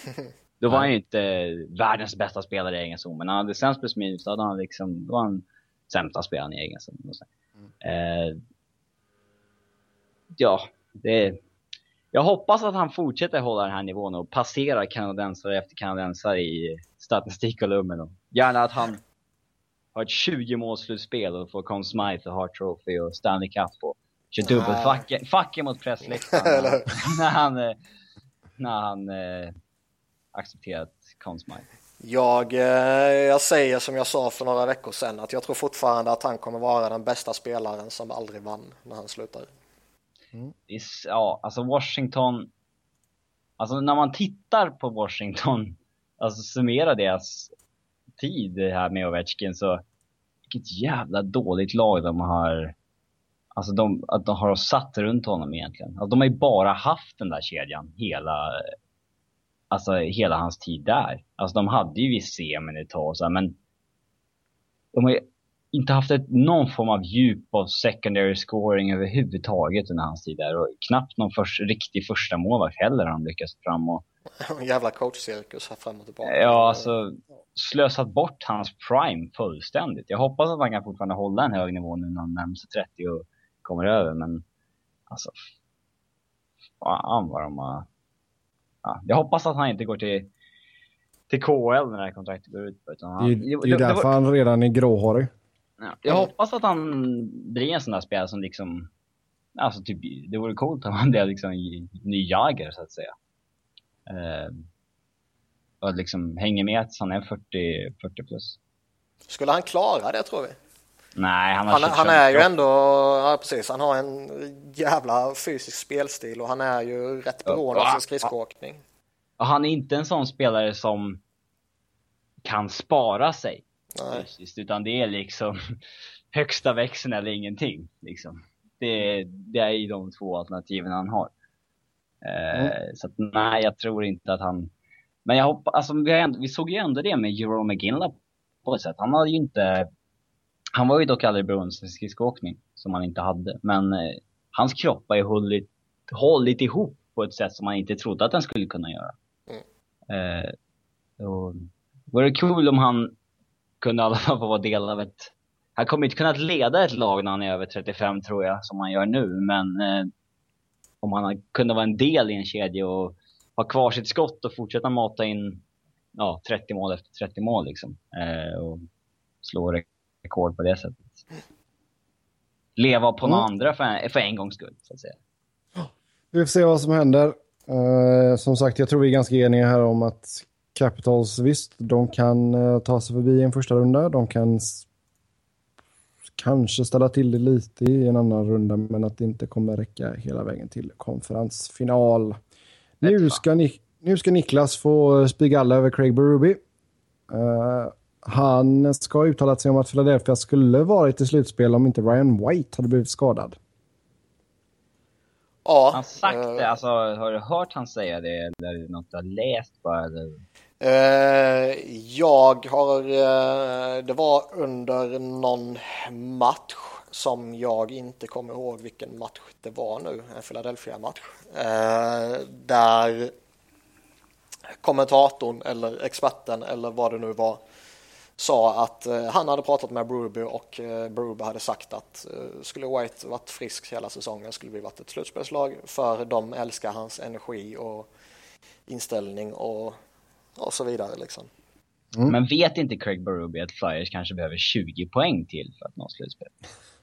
Jo, och, och det, han, är, han är så dum i huvudet Berube och det, det är liksom återigen bara ett bevis på det här. Men jag, jag skrev ju inte in det här för att eh, slänga skit på honom, även om jag jättegärna gör det, utan jag menade ju... Du hylla Ryan White? Nej, inte det heller.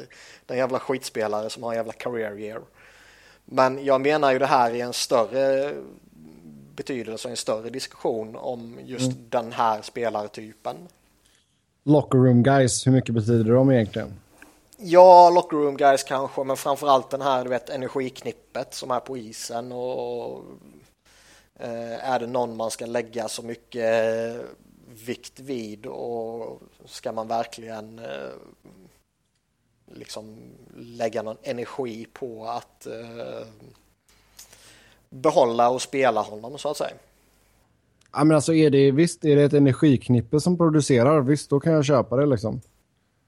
Men jag ser liksom inte riktigt hur...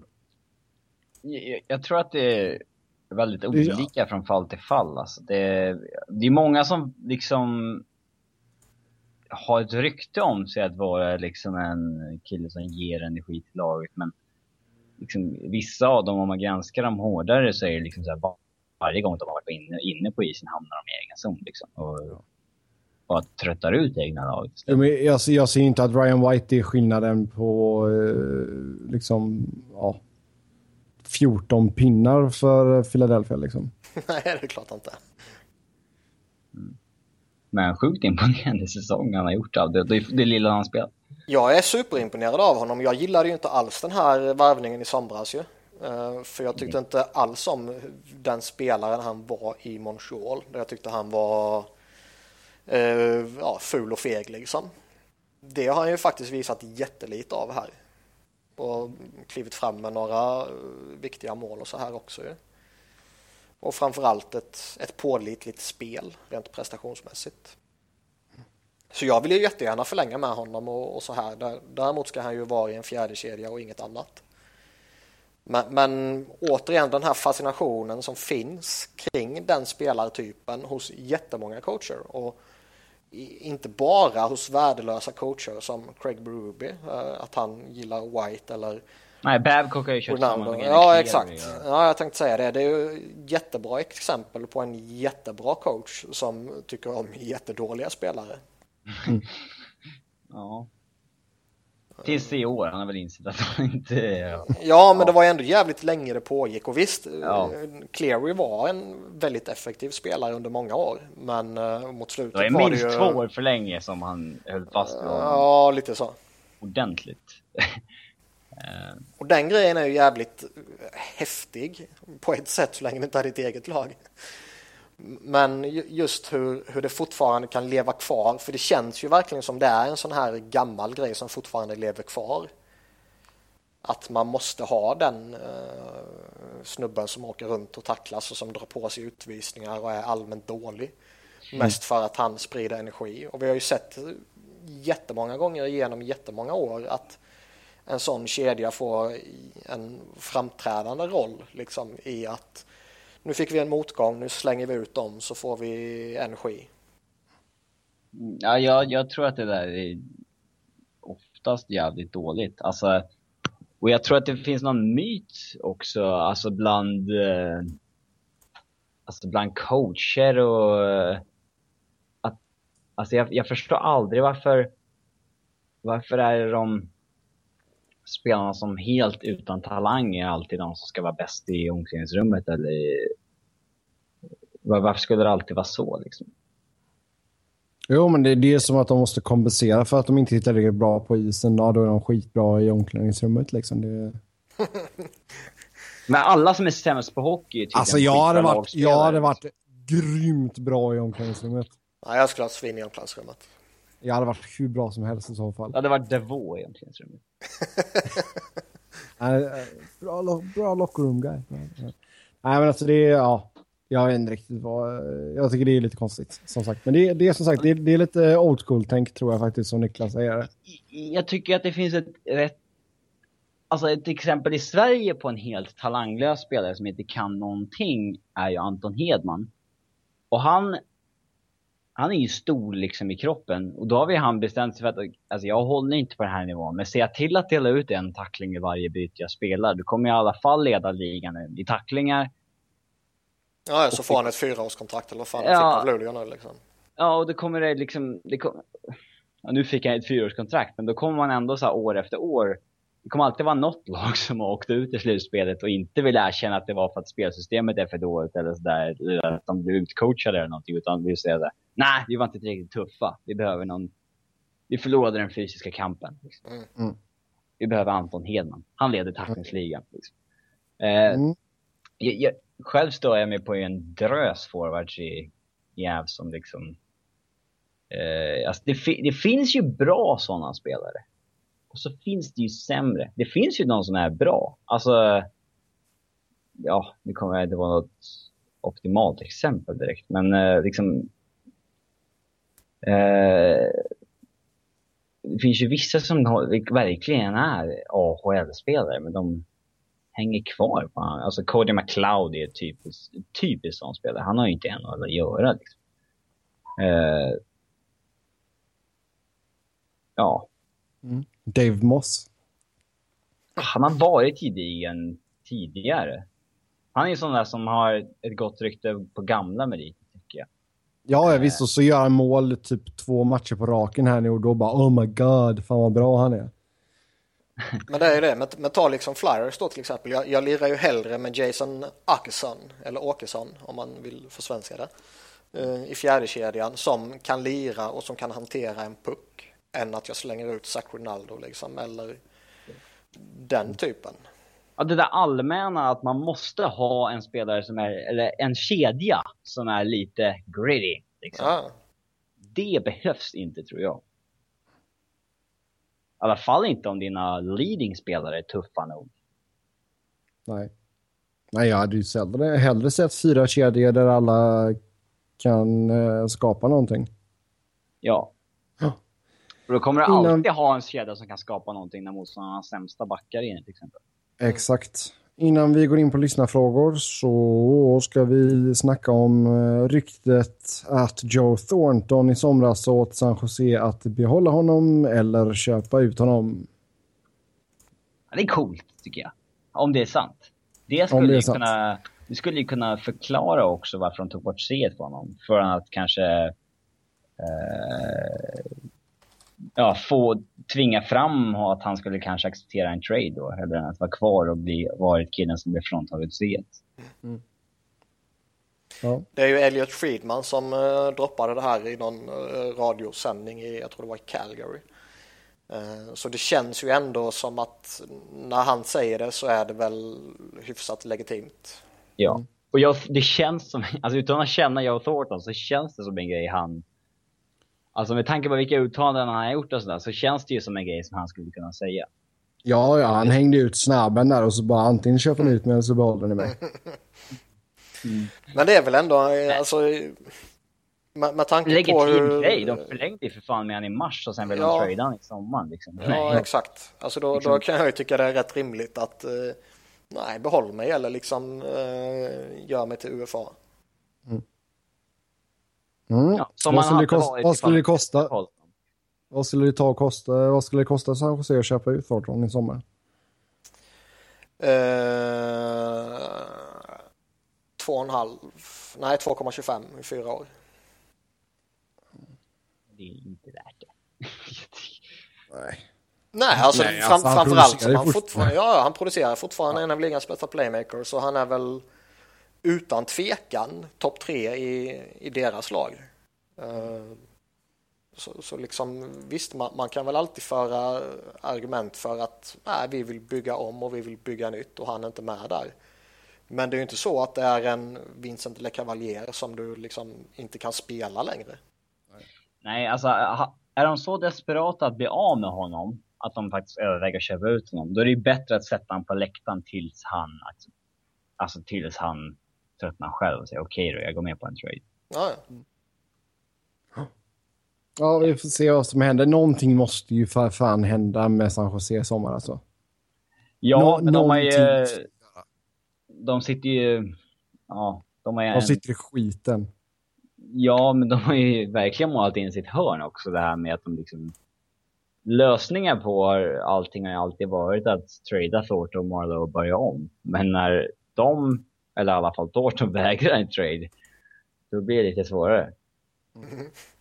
Ja, jag menar Marlowe har ju sitt sämsta år sedan ja, 2007-2008 tror jag. Mm. Eh, Så att han är på väg ner och att det har blivit lite mindre istid, lite mindre, ja, liksom han har fått lite av en annan roll liksom. Men det är, ja, nej, men som sagt, man har satt sig i skiten. Det är enbart deras egna fel. Sitter med arslet i brödrosten. Ja.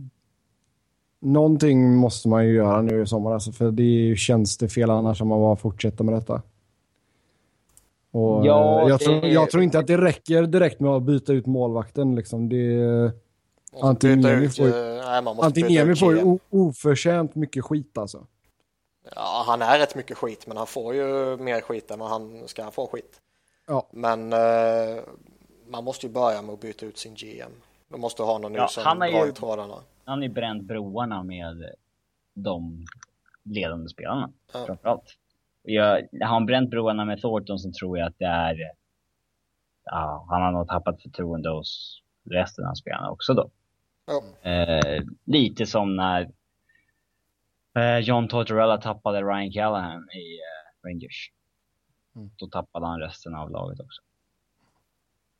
Yes, med det så går vi in på våra lyssnarfrågor och eh, Först ut så har vi fått frågan vilka har varit våra största wow-moment under säsongen. Eh, saker som vi inte hade räknat med. Som den här frågan i körschemat som jag inte hade sett. Ja. Wow! Det, wow. Nej, men då, alltså, jag, jag kan ju börja. Alltså, 23, 23 baljor av en svensk back, det är jäkligt coolt. Hade någon sagt inför säsongen att Oliver Ekman Larsson skulle slå det svenska målrekordet, så hade jag sagt. Så hade jag nog sagt, ja det vete fan. Att det, skulle, det att det skulle ske när vi har Erik Karlsson är, är väl faktiskt inte orimligt. Men att det skulle vara någon annan än Erik Karlsson. Ja, och att det är liksom för ligans just nu näst sämsta lag dessutom. Just, Är det verkligen just nu hela sån? tiden näst sämsta. Är, är det verkligen en sån absurd grej? Ja, det tycker jag. 23, Ja, ja. Alltså, 20, 23 mål av en back är alltså... Ett skitlag. Det, det tycker jag är Ja. rätt stort ändå. Det är helt galet. Men det är en annan kille som förväntades göra typ 15. Ja, det är väl en ganska stor procentuell skillnad mellan 15 mål och 23. Ja, Nej, jag är på samma det är sida här. Det är ingen svensk har gjort mer än 20. Ja, men Så vad, jag- hur, vad historien säger är väl skitsamma. Nej. Nej. Så det är inte ett wow-moment att... eh, ja, nu vet jag inte exakt vilken plats Jagr var på nu, men... I vilken liga? eh, overall scoring. Ja, skitsamma. Men det är också Nej, en sån grej. Det är också en, en sån wow-grej för mig i alla fall. För alltså man väntar, alltså man sitter hela tiden bara, ah, men Jagge kan inte hålla ett år till, alltså vad, vad, liksom, det går inte. Jo då, han gnuggar på. Sen är det klart att det inte är det största wow-moment. Är det en wow-grej att han har gjort 36 poäng eller runt 40 poäng i år? Wow, wow-grejen är ju snacket som kommer nu att Florida sägs vilja skriva tvåårskontrakt med honom. Ja, att killen fortfarande, fortfarande håller vid 42 års ålder liksom. Tre nu. Men, Ja. ja. Det, jag tycker det finns ett gäng wow i, i, eh, i Ottawa. Dels Andrew Hammond såklart. Ja, ja, Att, självklart. att en, att en AHL-målvakt som ligger under 90% i AHL kan gå upp och... Att det är, alltså det är fysiskt möjligt att göra det. Ja. Eh, att Mark Stone... Mm. Alltså kille som inte gjort ett skit som kommer in och gör 60 poäng i NHL första riktiga året. En jävla Mike Liksom- Hoffman också. Ja, Mike Hoffman som, eh, liksom, han har gått på waivers ett par gånger. I fjol spelade han 25 matcher, gjorde 6 poäng. 25 bast och så i år drar man till med nästan 50 poäng. Eh, mycket wow i eh, Ottawa. Alltid wow. Ja, jag tycker wow när man även, ser Erik Karlsson också. Även Calgary, jag tycker ju alltså hela den kedjan med Monahan, Goodrow och Hoodler har ju varit wow hela säsongen liksom. Det största där är att de faktiskt håller sig i allra högsta grad levande när de tappar Mark Giordano. Men jag menar, Monahan går in och pissar in 30 baljor liksom. Ja, han är grym. Det. Och jag menar, Johnny Goodrow, vilken runda gick han i? Fjärde? Femte? Eh, han gick i fjärde. Men det är en Ja. typisk sån här kille som skulle gått i andra om han inte var så liten. Ja. Jo, men det, ja, det har vi också pratat om. Här fixeringen med storlekar på spelare. Det... Mm. Nej, men alltså det, det har varit många, jag tycker det har varit många sköna... Alltså... Måste wow betyda positivt? Nej, det behöver inte Nej, nej, nej. För San Jose är ju ändå lite wowigt. Alltså att de... Vi, jag, Lite jag, jag, wowigt. ja, men vi, vi, vi, vi sa ju förra säsongen, alla var väl överens om att ja, de kommer gå till slutspel igen, men ja, de kommer floppa i första rundan. Ja. Standard Absolut. procedure. Men att de inte... Att de är borta från det med typ 10 matcher kvar. Det är ju... Ja, Wow. speciellt, speciellt när man tittar på alltså, deras uppställning. De har ju en hel del riktigt bra spelare. Det, Vi skulle kört... Eh, jag menar, hur många, hur många mål har Pavelski? 37? 36? Ja, något sånt. Han lever ju på sin... Alltså, han utan Thornton. Då. Han gör ju kanske 25 utan honom. 37. Han ligger femma. Så liksom det är, då är ändå så den femte bästa målskytten i ligan och ändå så är du körd liksom. Att, att, jag tycker att det är ganska wow att... Konstigt att säga wow så mycket. Men att, att Stamkos är 10 mål efter Ovechkin. Det tycker jag är anmärkningsvärt. Framförallt så är det ju jävligt wowigt att eh, det under rätt långa perioder faktiskt är eh, Palat Johnson Kucherov som har eh, varit Tampas ledande kedja. Mm. Ja. Alltså Rick Nash får man ju också säga att det är lite wow. Det var hans säsong. Ja, men det visste man ju ändå att han kunde. Ja, man trodde ju inte att han var slut. Alltså... Att, nej, nej, absolut inte på något sätt. Men alltså just med tanke på hur det gick. För, alltså förra säsongen var det mycket att han kom i rätt lägen men liksom, ja, fick inte in pucken helt enkelt. Och sen att han fick sån kalas islossning här nu under säsongen och ligger på 42 mål. Det är, det är starkt jobbat. Ja, skulle han legat på 52, då, då skulle jag hållit med dig. Nu tycker jag det är mer liksom, ja, ja, han är en bra spelare. Uh, en grej som jag tycker är väl egentligen att uh, Sidney Crosby har en mer eller mindre dålig säsong och ändå leder poängligan trots att han har missat en handfull matcher också. Mm. Ja, det wowiga är väl kanske att vi inte har en spelare som är nära 100 poäng. Mm. Ja, wow, dåligt alltså. Ja, eller anmärkningsvärt liksom. Det... Mm, ja. Vi behöver lite, lite fler spelare som kommer upp på 100 poäng. Det är alltid roligt. Så måste man ja, nämna Devan Dubnik också. Mm, det är wow. Det kändes ju jävligt osannolikt. Posit positivt wow. ja. Jo, men det är... Ja, jag hade gärna sett Minnesota missa alltså. Men det är också en sån kalaskäftsmäll mot Edmonton verkligen. Ja. Alla som lämnar blir bra typ. ja. Det är... Men det är också, alltså, vi, nu har ingen av oss förväntat oss några stordåd av Edmonton den här säsongen heller, men alltså det är också ett återkommande wow att man har så mycket talang men att det inte löser sig liksom. Fast det har ju nästan nu, slutat ganska... blivit wowigt ju. Nu är det mm. liksom, ja, de rycker på axlarna, ja det sker igen. Mm. Ja, det är, det är ganska förväntat nu faktiskt. Det blir ja. det, är, det är faktiskt, det är man måste, ja, man måste väl ändå nämna Nashville i allmänhet och Roman Josie i synnerhet. Mm. Och sen en liten fejkfoppa på sidan. Ja, absolut. Mm. Ja, det är väl det största, det största svenska wowet. Positiva wowet. Ja, det är väl han ja, eller Klingberg. Du sa väl Oliver Ekman Larsson nyss också? Men... Jo, men, det, alltså, jag, jo, det, men det var ju mer en situation, eller om du ska säga. Men, uh, men, men Foppa var ju ändå en, en legitim prospect. John Klingberg ja. hade man ju ändå, han var ju nästan... Jag trodde inte han skulle spela NHL va? Nej, han var nästan borta ju. Han, han, hade någon sagt han spelade AHL hela säsongen, ja det är väl ganska troligt. Mm. Han är uppe och gör 40 poäng på 60 matcher. Det är ju... Det är bra. Ja, det stört. Det är stört. Det är stört några wow-moment alltså moment alltså, som har hänt i matcher och sådär? Något, något speciellt mål som ni kommer att tänka på eller någon... Ja, Melker Karlssons fem baljer i rad var ju rätt... Det var ju rätt stört. Mm. Eh, I match... Ett speciellt mål sådär. Mm. Ja, alltså jag tycker ju när Mike Smith ska rensa ut pucken när han skjuter den på röven på en penguinspelare och in i mål. Det, det, det, det sammanfattar ju hela Coyotes säsong liksom. Ja, faktiskt. Det var ju bara sådär wow och så lägger man händerna i huvudet liksom. Var... Visste jag inte ens hade hänt. Okej, okay, ja, jag kolla den. Ja, visst. Um, jag tycker att det är liksom... ganska wow att Henrik Sedin har gjort fler mål än Danielsson. Mm. Har det någonsin hänt? Alltså under hela deras karriärer tillsammans? Nej, det kan det väl inte vara. jämför. Hoppas det håller i sig. Alltså hade Daniel, hade Daniel gjort mål igen, då hade ju liksom headlinen på hela säsongen varit “The Sedins are back” liksom. För, alltså Henrik har gjort över 50 assist och Daniel över 50 assist. Och Henrik 18, hade liksom Daniel gjort typ 10 mål till som han ska med Henrik assist på dem, då hade det ju... Då har allt varit som normalt. Jo, men sen får du tänka på att de har ju... Verbata har ju gjort vad, 31 mål liksom.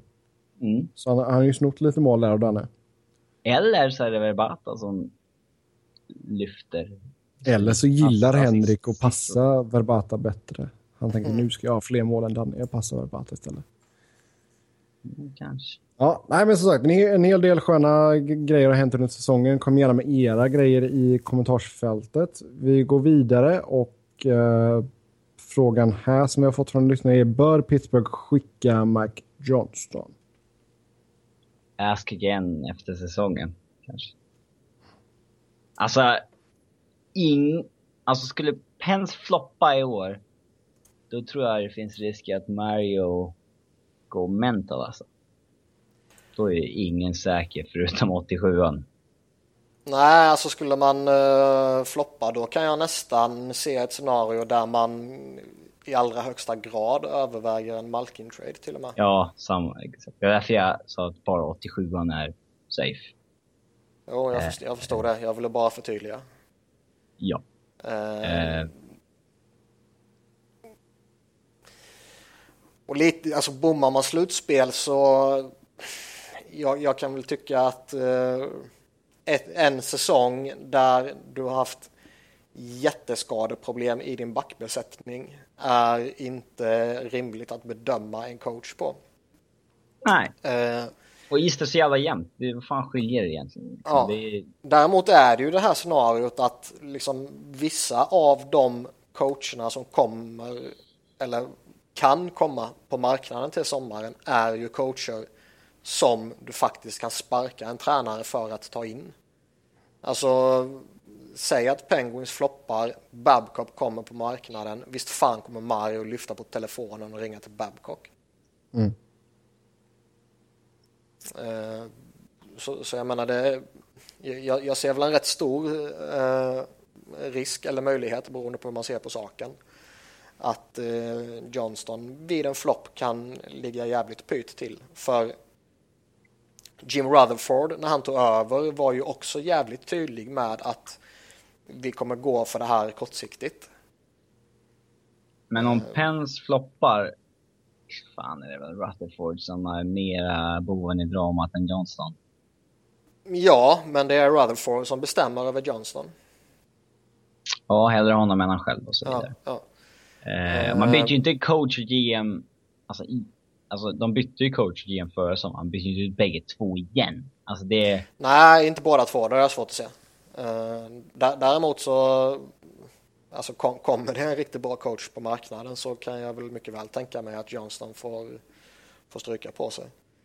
Eh, sen om det är rimligt att eh, liksom kränga allt för mycket skit på Johnston eller Rutherford för den delen med tanke på vilka problem man har haft med sina backar i första hand så är det väl kanske lite orimligt att gå mental baserat på det. Ja.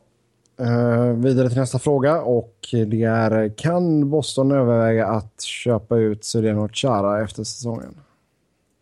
så dålig har han faktiskt inte varit alltså. Det är... Nej, Niklas, men har alltså, det gett han- honom mycket, Niklas har gett honom mycket skit också. För mycket. det har jag- så så det har dålig jag har han inte varit alltså. Jag, har också Jag ger aldrig spelare för mycket skit. Nej. Nej, men Nej. jag tycker bara, jag, alltså, jag tycker man såg tappet Nej. redan i fjol att han inte är elit längre. Han är Klart att fortfarande han börjar bra. bli gammal. Ja. Men alltså det kan ju vara en sån situation när, alltså Boston har ju också, vi snackade om San Jose tidigare, Boston är också ett lag som har målat in sig i ett hörn här. Man har väldigt lite utrymme och röra sig med när det kommer till capen i sommar. Alltså ska man snacka Chara så visst han kanske får mycket skit men allt det beror ju på vad man jämför honom med. Uh, jämför man honom med random back i ligan ja, då har han fortfarande en jättebra back. Han är en Jäm, legitim jämför, första, ja exakt. första backparsback.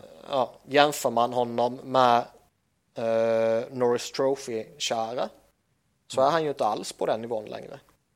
Nej. Skämt. Var, Så det, är- det, det är liksom ett förhållningssätt. Eh, Sen att han är på tydlig nedgång och eh, att det här förfallet kommer eh, vara, vara påfallande under en viss period här, det, det tror jag stenhårt på. Om det blir slutspel så ska hans slutspel framförallt bli väldigt intressant att se. Absolut. han kommer ju trycka i en växel till då, men hur, hur hög växel till har han liksom att lägga i? Det, det, det, det kommer bli superintressant. Mm. Uh, Snack, snackar man just att uh, liksom en buyout så tror jag det är väldigt osannolikt. Handlar man i ett uh, scenario där man inte vill ha kvar honom av den ena eller den andra anledningen så tror jag fortfarande att det är en spelare som uh, man faktiskt kan göra sig av med på andra sätt än att köpa ut honom. Ja, en ny franchise som vill ha någon stort namn och, och skit. Mm. Det, det. Sen, sen är han ju rätt billig att köpa ut. Köper man mm. ut honom denna sommaren så kostar han 1,6 miljoner första året. 3,6 andra året och sen fyra raka år med 1,7. Ja, men det är ändå, alltså du, klarar man sig så är det ju bättre att vänta ett år till. Eh, och det, det, finns andra lösningar än att tvingas köpa ut honom. Jo, ja. Eh, jag, jag, jag, jag, tror det är flera lag som är glädje skulle ta in honom. Ja, och det är ju säkert så att eh, vi har ju pratat lite om det också. Louis Eriksson ligger, alltså, det är väl en av de killarna som de kan tänka sig att flytta på i sommar. Ah, han så. vågar nästan, nästan eh, ja, tippa min, eller vad säger man, betta min Pappas ena... hus. Nej, min ena testikel tänkte jag säga på att han eh, tradas i sommar. Ja, vi får se ifall Robin får behålla båda sina testiklar. Um, han bettade näst... bara en. Ja. Nästa, nästa lyssnarfråga, då är det angående Patrik Roa. Coach i Colorado, från hyllad i fjol till toksågad i år. Vad hände? Robin, du får ju självklart ta den här frågan.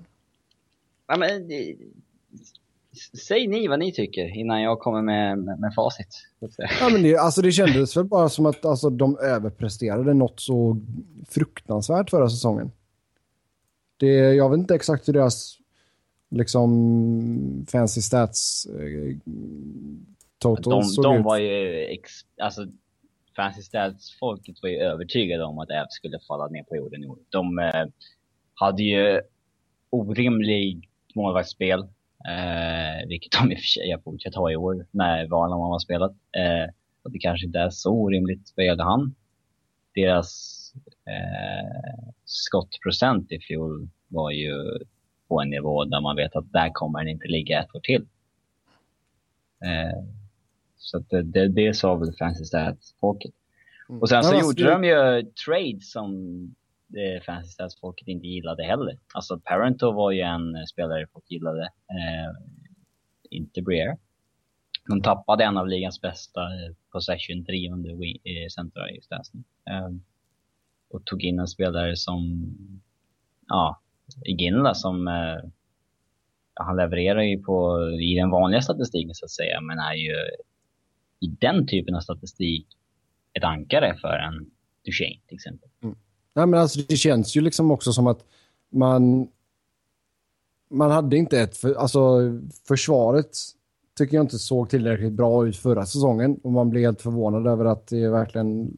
Alltså, det lyckades med de försvararna man hade. Visst, man ska tacka Varlamov för mycket av det, men att det, liksom, det skulle inte hålla i sig helt enkelt. Och sen att liksom eh, de här framförallt bortom bottom tre, liksom fjärdekedjan, att det inte inte tillräckligt bra spelare liksom. Man har väl, eh, Colorado är väl också, jag håller med om det ni säger, men Colorado är väl också ett lag som är eh, extremt, extremt, extremt skadekänsliga. Mm. Och det är ju inte jättelätt hanterbart att uh, tappa din enda legitima back egentligen. Eric Johnson Nej. som är borta typ halva säsongen eller tappa en sån som Jamie McKinn som ändå är en gedigen spelare. Ja, men där tycker jag att, alltså visst de har tappat McKinnon 20 matcher, Johnson, eh, ja, 35 matcher när man summerar det, McGinn halva säsongen, eller ja, ännu mer, 60 matcher. Eh, den mängden skador tycker jag nog ändå man får räkna med. Alltså det är, Alltså ja, det... Det, det, håller jag med dig att man ska göra, men, men, men det är ändå i ett lagbygge som Colorados som kommer sätta jättestora spår. Mm. Ja. Eh, alltså men, Colorado jag... är ju ett lag som, ska, ska de ha en chans så måste de ju vara skadefria. Ja, men om man jämför med liksom i fjol när de vann divisionen och, och så vidare. Eh, men eh, jag tycker att de ska vara jäkligt nöjda med att spelare som Ginla och Tangi inte missade en match.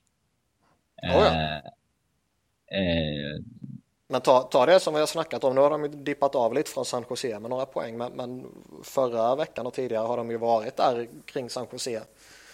Och jag menar, är du på den nivån så är det ju inte jättemånga poäng från slutspel. Och jag menar, vad, vad skulle Colorado, ä, även om det har gått eh, väldigt knackigt denna säsongen, så vad skulle de varit med eh, 15 mål till från McInn och eh, 35 matcher till från Eric Johnson och så vidare? Ja, det är väl kanske den nivån de... Eh, så bra deras lag är, typ. Wildcard-lag, liksom. Ja, det är det jag menar. Liksom, då är de Med tanke på hur backbesättning de har. Ja. Eh, Forwardskåren och målvakten är grym. Men jag, jag, just det här med skadorna så... Jag stör mig utav helvete. Rye kört Broody-grejen och sagt att de hade varit slutspel utan utan skadorna och hänvisat till deras man games lost. Eh, men det är ju för att deras goon Patrick Bordelow och Jesse Winchester som var tänkt fjärde center har missat hela säsongen och kickar in en 164 matcher var på Man Games Lost. Mm. Och det, det, är inte en rättvis bild av skadeläget. Eh, det, det, det är ju bara live. Mm. De... Ja, alltså, jag, jag tycker att man kan jag tycker inte att de missar slutspel för att de tappade Stasny. Jag tycker ändå att de ersatte hans produktion i Ginla och att de hade centrarna för att klara av det. Alltså har man Duchene och Rylock McKinnon så kan man ändå lösa den centersituationen. Ja. Men håller man fast vid Nate Ginnon, Nick Holden, det är den nivån att man till och med förlänger med dem och adderar en tokslut, Brad Stewart som man signar upp long term då sätter man ju till ett försvar som kan sänka vilken jävla forwardscore som helst. Alltså det... Ja. Mm. Alltså Patrick Graw har gjort ett uselt jobb med Avs sen han tog över tycker jag. Han har gjort, han gjorde en bra trade, han bytte David Johnson och Shane O'Brien mot Corey Cyrus och Alex Tangay. Men i övrigt så har i princip en, varenda roster move de gjort, gjort laget sämre sen han tog över. Eh, och det är synd för att de känns som de slösar bort en jävligt bra ung forwardscore. Vi får väl se vilken jävla soppa Ryan och Riley-grejen slutar i också. Mm. Tack för det Robin. Då uh, går vi vidare till näst sista lyssnarfrågan och uh, ett lag som har haft otroligt många man game lost. Det är ju Columbus. Och uh, hur stort hot skulle Columbus kunna ha varit ifall de var friska hela säsongen? Typ Islanders-nivå. Mm. Ja, eh, på Islanders-nivå, men med ett lite... Eh, Ingen Tavares. nej, ingen Tavares, men, men framförallt med lite annat. Eh, alltså Islanders känns ju, tittar man på lite av deras prospects och Tavares och Poser och så vidare så känns det i mångt och mycket som ett spelande lag. Eh, tittar man på Columbus så är ju inte det samma eh, liksom, flair. Columbus känns lite som ett San Louis light med sitt djup och bredd. Ja, exakt. Så här, men, det är inte, men det är ändå liksom inte på St. Louis nivå vad det gäller tyngd och spets. Eh, framförallt inte back. Ja, ja backbesättningen är helt annorlunda men... For, Bättre målvakt däremot. Ja. Bobban är okej. Okay. Men eh, nej, det där har ju ett lag som verkligen har fått säsongen förstörd av skador. De har ju, det har ju varit jätteviktiga spelare de har tappat också. Ja, det... ja, jag har sagt det några gånger och egentligen så gillar jag ju inte att skylla en säsong på, på skador. Men här är det ju verkligen superlegitimt. Mm, de är ja, de är 13 poäng utanför trots att de har nio raka segrar nu när de har fått tillbaka lite folk. Och de... Nej, de... Eh, de visade de hade... ändå i slutspelet i fjol, han gick upp mot Pittsburgh så här att uh, det, det, är ju ingenting du bara petar undan. Nej. Absolut. Utan har de alla friska och de kan rulla sina tre och en halv jävligt bra kedja i princip så är de svårhanterliga. Mm. Släng in en Brandon Dubinski i ett slutspel så är det jävla svin att möta. Mm. Absolut. Ja, så Columbus skulle varit ett slutspelslag då ifall man varit friska. Sista frågan. Vad tycker vi om snacket om att målsnittet minskar år för år? Och eh, tycker vi att det behövs göra no göras något åt saken och eh, vad ska man göra i så fall? Så eh, ja, vad tycker vi egentligen? Vad, vad har vi för siffror? Har ni fått upp någon statistik här eller? Nej, det är programledarens uppgift. Nej. jag, eh, jag känner väl generellt så här att liksom målproduktion eh, är inte det som avgör om en match är roligare eller inte för min del. Nej, tack gode gud för det svaret. Alltså en 0-0 match kan vara minst lika underhållande om inte ännu mer underhållande än en eh, liksom 7-5 match. Men oftast inte kan man ju säga. Varför det? En, en, en, en 7-5 match kan ju vara total jävla Hawaii och kaos och jättemycket värdelöst. Medan en 0-0 match eh, ändå kan vara jättetajt, jättegrinig, jättefantastisk och trots det har väldigt många målchanser. Mm. Ja, det kan det vara så. Men oftast inte. Sen är det ju klart att jag menar mål är ju det charmiga. Uh, man vill ju ha mål såklart. Mål, mål, ja. mål. Ja. Uh, jag, jag, tycker ibland att diskussionen om att hur får vi fler mål, hur får vi fler mål, att den spårar ur lite. Helt plötsligt ska man få köra över målvakter och de ska stå i en jäkla liksom våtdräkt liksom och inget mer. Alltså, det, det liksom, på, på, den nivån ibland. Och det, eh, jag, jag, tycker man konstant snackar om att liksom minska skydden på målvakter och sådär. Det, det kanske man bör göra, jag vet inte. Men liksom, någonstans går ju ändå gränsen. Det är ju hur jävla hårt skjuter inte spelarna idag med en, en, liksom en gummipuck. Det, de måste ändå vara skyddade liksom. Ja. Eh, det... jag, jag, ser det som ett större problem att eh, man kanske tummar lite på regelverket. Eh, än att man har målvakter med någon eller några centimeter för breda benskydd. Sen så... Sen jag, jag har hört eller läst att det här är ett av åren med minst powerplay-tid, så att säga. Mm. Eh, det har varit minst powerplay ja, minuter då, för, sammanlagt eh, i ligan i år. Eh, än sen typ så här hur lång tid tillbaka som helst. Och det är ju, kan ju vara en stor anledning till att målproduktionen är mindre i år än tidigare. Och att vi inte har någon kille på liksom 90-95 poäng. Mm. Nej, men det är klart det är så. Eh, och det är lite som jag sa att eh, liksom, tummar man på regelboken så kommer det ju märkas. Eh, och, och, och, som du sa i uteblivna powerplays då i, i första hand så, såklart. Och det tycker jag att man till och från kan se.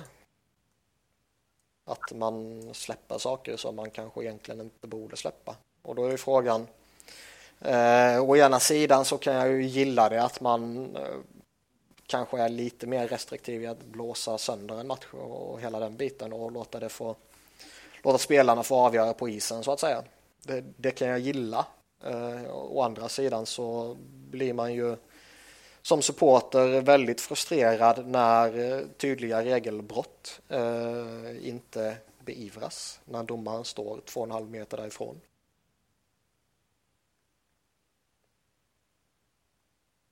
Så det, det, det ser jag som ett, eh, ett större problem än som sagt benskydden.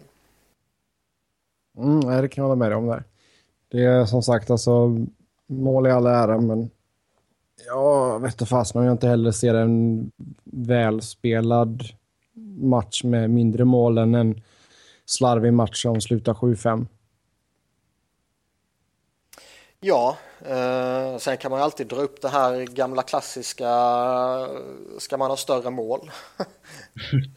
Nej, som, som, som, som, på riktigt eh, nämns som alternativ ja. Ja, men där går ju fan liksom typ ska vi ha mindre puck liksom. Eh, vissa grejer tummar man inte på liksom. Nej, jag tycker inte man ska ha större mål, men det är ändå det är ändå ett argument som kommer eh, på riktigt så att säga. Eh, vad kan man mer hitta på? Man kan ju alltid de har ju hittat på massa saker. Man kan göra zonen, alltså eh, offensiv defensiv zon då så att säga större eller mindre eller man kan eh, typ som de när de la till Trapsoid och sådär liksom. Det är ju mm, små saker små saker man kan pyssla med men som jag känner att har man inte redan dragit det så pass långt som man kan dra det. Men en, en av de stora anledningarna till att det är mindre mål är att det sker ju ingen direkt utveckling vad gäller målskytte. Men målvaktsnivån eh, höjs ju år efter år. Mm. Alltså det är så mycket fokus som läggs på målvakts, eh, eh målvaktstränande så att säga. I, liksom alla lag har flera målvaktstränare och de jobbar med video där de jobbar liksom varenda situation och sådär. Jag, jag, jag har svårt att tänka mig att man liksom att de sitter och går igenom en går igenom varje skottsituation med forwardsen efter en match mm. med någon målskyddstränare och tänker du borde gjort så här eller så här eller liksom Sen är det en intressant koppling man kan dra också till den här eh, Larionov-texten han skrev. Eh, att eh, det är för många brunkare som eh, fostrar de unga spelarna i Nordamerika. Och att det på juniornivå och kanske AHL-nivå snarare handlar om att bromsa motståndarna än att själva mm, liksom, dra på. Ja, det är en farlig utveckling om det är så, men det är... Ja, och liksom det, det, det är ju någonting som man rent logiskt bör märka av även på den sista nivån då så att säga i den, eh, i den åldern tycker jag att det är jävligt viktigt att man liksom har... Du blåser på, och du går för offensiven liksom. Ja, det är rätt typ av eh, skola som lärs ut. Mm. Ja. Ja, jo, men det är, det är nog svårt att peka på en grej och säga att ja, men gör vi så här så blir det fler mål. Det... Skjut hårdare. Ja, men visst. Okej, okay, visst. Gör du målen större så okej, okay, då, då kan jag köpa. Då, då kanske det blir lite fler. Sätt, sätt bandymål på isen liksom. Ja, exakt. Uh, med det så säger vi tack och hej för den här veckan. Som vanligt så går det jättebra att köta hockey med oss via Twitter. Mig hittar ni på att Noren. Niklas hittar ni på att Niklas Wiberg. Niklas med C och enkel V. Och Robin hittar ni på R underscore Fredriksson. Så fortsätt komma med frågor och funderingar så hörs vi igen nästa vecka. Tills dess, äh. ha det gött. Ja, vad? Vill du säga någonting Robin? Nej. Nej. Tills nästa vecka då. Ha det gött. Hej.